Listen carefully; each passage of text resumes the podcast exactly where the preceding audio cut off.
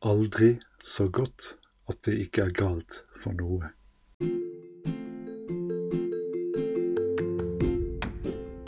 Hei på deg, og velkommen til episode fem av den andre sesongen av Trippel G, podkasten for gretne gamle gubber av alle kjønn og aldre, under åndelig veiledning av stormester OK Boomer.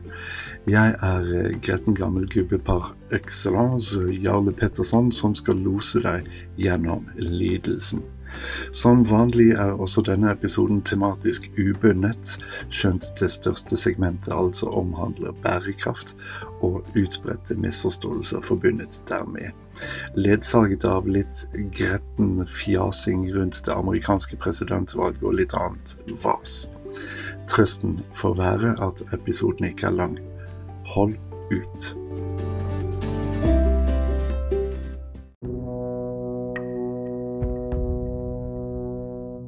Bærekraft er tidens mantra, men vi gir oss sjelden tid til å reflektere over begrepets betydning.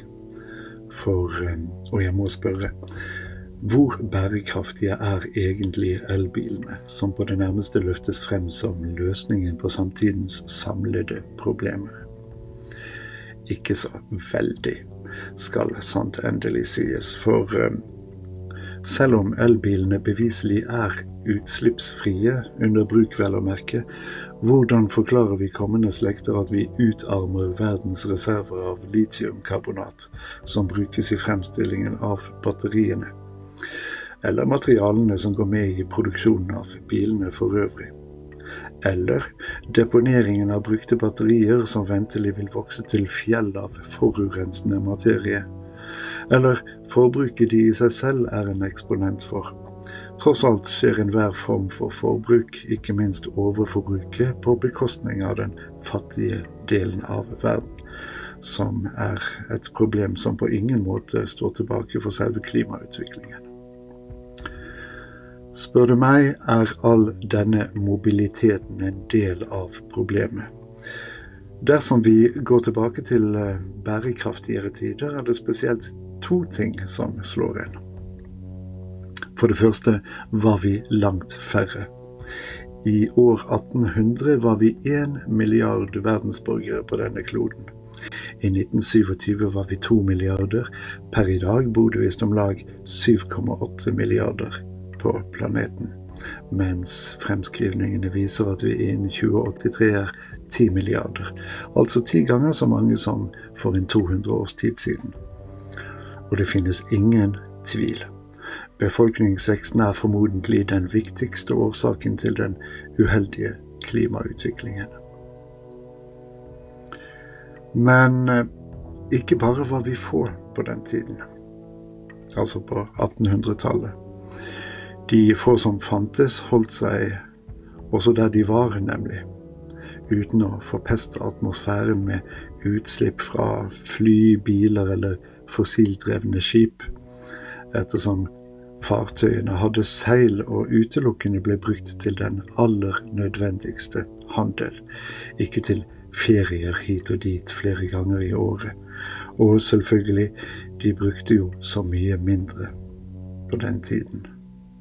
Av absolutt alt. Med andre ord hjelper det ingenting om vi tyr til fornybar energi dersom vi fortsetter å forbruke på et nivå som ligger skyhøyt over våre forfedre. Nå snakker jeg ikke kollektivt, men hver og en av oss. Jeg beklager å måtte si det, men skal det bli en ordning på noe som helst, må vi finne tilbake til oldeforeldrenes nøysomhet, selv om det på langt nær er nok. Vi må også belage oss på å bli færre, tross bibelske formaninger om å være fruktbare og bli mange. Om de som skrev den boken, bare hadde visst hvilke problemer den skulle skape. Hvordan vi skal klare å bli færre, må jo gudene vite, men en pandemi i ny og ne For litt siden ble vi som bor i omegnskommunene rundt Bergen frarådet å dra til byen, selv om vi skulle slumpe til å arbeide der. Ikke at jeg skjønner hva jeg skulle ha der å bestille. Verken da eller på noe senere tidspunkt er det imidlertid gått ut råd om å forlate byen med smitte. You do the math, som de sier. For å være helt ærlig er det vel heller ingen grunn til å vente nye hytteforbud, og det med rette. Slike forbud bør ikke innføres i utrengsmål. Tross alt lever vi i et tillitsbasert samfunn der alle forventes å bidra etter egen evne, noe som i det minste innebærer at vi holder oss der vi er, enten vi bor grisgrendt eller urbant og den går like mye til bysugne bønder som til byfolk med hytte. Jeg mener, hvor vanskelig kan det være?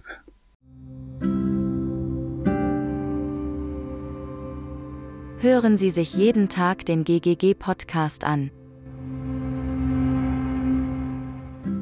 Dette har jeg sagt før, men jeg er altså en enkel gutt på landet med svært enkle gleder, så jeg er jo fryktelig lett å underholde.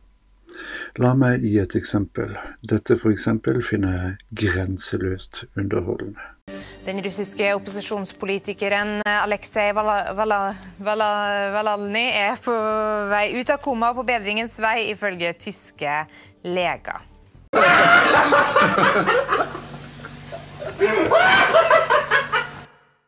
Nei da, det er klart det som skjedde Navalny, for det er selvfølgelig det han heter, var grusomt.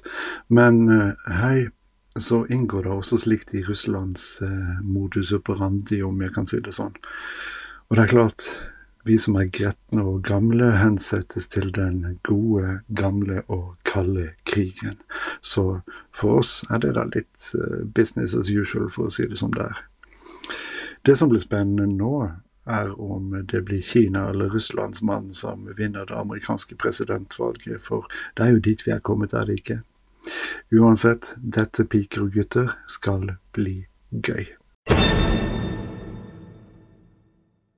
Hva det amerikanske presidentvalget betreffer, er det nesten umulig å styre helt klar av det faktum at de amerikanske mediene er blitt skrekkelig politiserte. Som gammel CNN-journalist som fortsatt følger CNN International-sendingene på daglig basis, må jeg tilstå at det smerter å se gamle kolleger drive valgkamp under påskudd av å bedrive journalistikk. Misforstå meg endelig rett. Jeg deler jo synet deres, men ville jo ikke ha gitt det synet til kjenne under utøvelsen av mitt journalistiske virke. Det er imidlertid det de gjør hver eneste dag.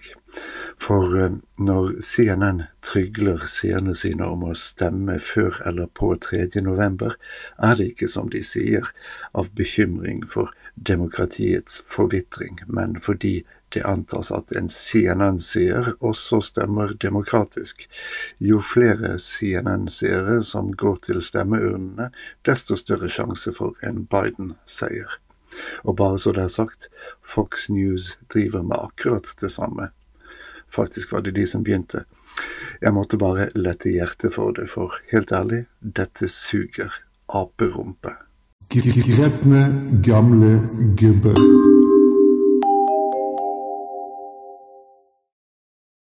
Så en kjenning skrive 'drittdag' på Twitter her om dagen. Bare det. Drittdag som selvfølgelig er leit, men her er et nyttig trippel G-tips. Jo, før man kommer til erkjennelsen at alle dager er drittdager, desto lettere blir de å leve med. Fakta faen. Ta det fra en gretten, gammel gubbe. Skal si eh, kongen ga oss en støkk her om dagen. Det er jo ikke fritt for at vi som har vært ute en vinternatt før, gikk og kjente på de gufne januar 1991-vibbene. Men Hans Majestet er en gammel gubbe, sikkert også smågretten, eller i alle fall morgengretten, så dette skal nok gå fint. Stå på, Harald, dette ordner seg. Og det, piker og gutter, var alt for denne gang. Vi snakkes før vi aner. Dette er Jarle Petersson. Takk for meg. En ting til. Helvetes bananfluer. We are the Goobs. We were the future. We are the grumpy old sods who can't see we're a failure. There's a choice we're making. We love to bring you down. It's true we'll make a shitty day, just you and me.